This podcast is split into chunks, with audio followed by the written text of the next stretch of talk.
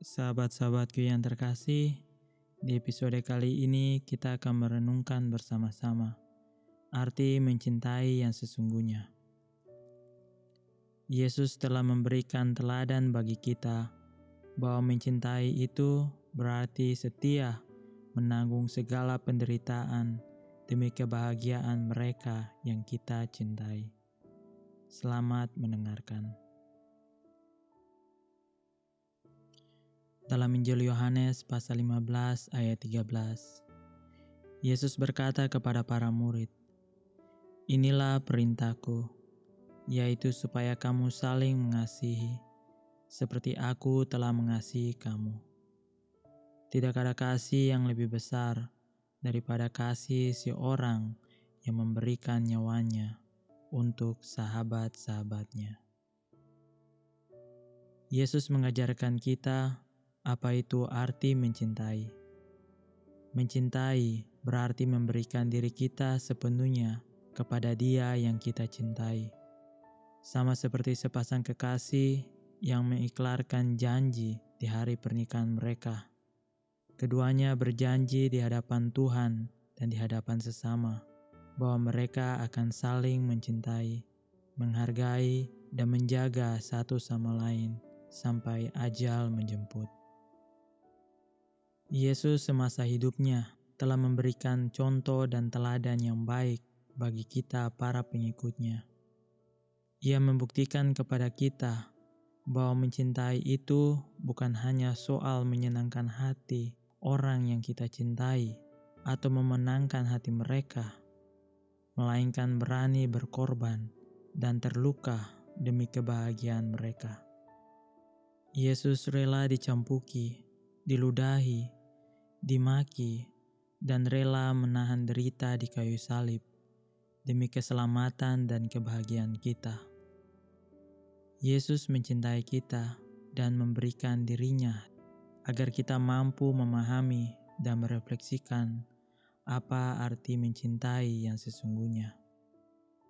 Kita telah mengetahui bahwa Yesus telah mati untuk menebus dosa-dosa kita ia telah membuka jalan keselamatan dan memberikan Roh Kudus kepada kita untuk membantu membuka mata hati kita dan mengubah hati kita yang keras seperti batu menjadi hati yang lembut dan peka terhadap sesama.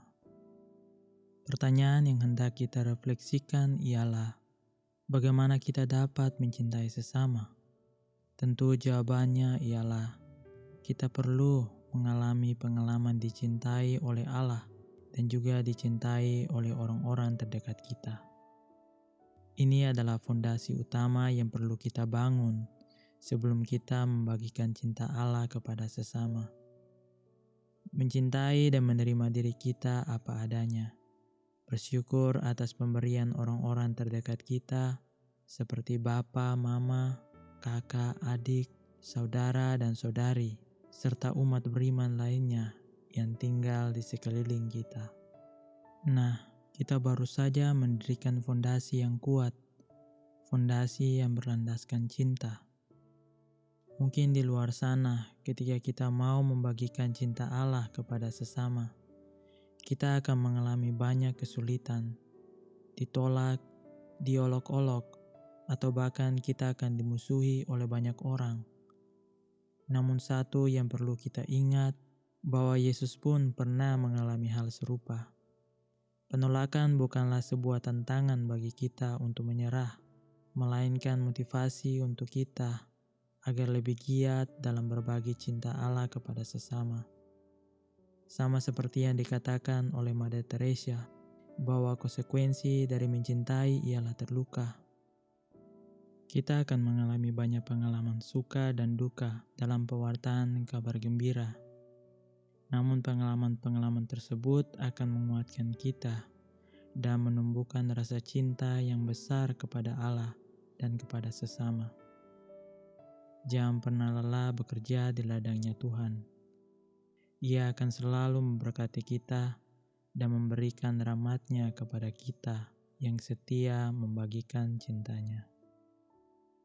Harapan saya, semoga melalui renungan singkat ini, hati kita disentuh oleh Roh Kudus, dan iman kita semakin diteguhkan, sehingga kita berani mengatakan "ya" untuk menjelaskan kepada dunia apa arti mencintai yang sesungguhnya.